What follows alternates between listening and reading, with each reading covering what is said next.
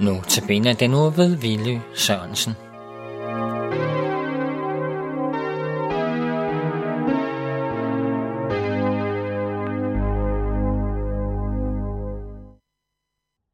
Velkommen til at lytte med på Københavns Nærradio.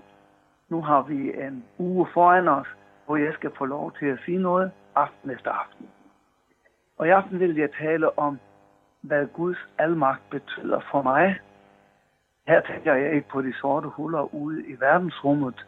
Jeg tænker ikke på de mange uløste spørgsmål, som ligger for vores videnskabsmænd, og som de gætter på på alle måder og fortæller os, hvor mange milliarder år det ene og det andet det er. Men jeg vil tale om, at det, som er det allervigtigste for mig, når det drejer sig om Guds almagt, det er det spørgsmål, har Gud magt til at frelse mig? Når vi kender os selv, så tror jeg, at rigtig mange af os må give apostlen Paulus ret. At vi har opdaget omkring os selv, at vi ikke er perfekte eller fuldkommende.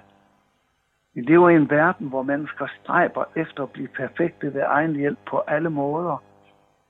Men det, der kommer ud af det, er bare selv indbildning. For virkeligheden er sådan, at intet menneske er perfekt i sig selv. Men når det drejer sig om vores forhold til Gud, som selv er perfekt, og som aldrig kan drages og lokkes af noget, der er ondt, så er det sådan, at Gud åbenbarer for os i sit ord, at han virkelig er i stand til at frelse totalt fortabte mennesker med en total frelse. Det gør han ved at sende sin egen søn Jesus Kristus. Han blev menneske for at løse syndens problem. Som Gud og menneske var han den eneste, der var i stand til at bære vores synder og fjerne dem fra os. Jesus siger om sin far, at han er den stærkeste, der findes. Og han siger, at han har fået magten af sin far. Mine får hører min røst, og jeg kender dem, og de følger mig. Jeg giver dem evigt liv. De skal aldrig i evighed gå fortabt. Ingen skal rive dem ud af min hånd.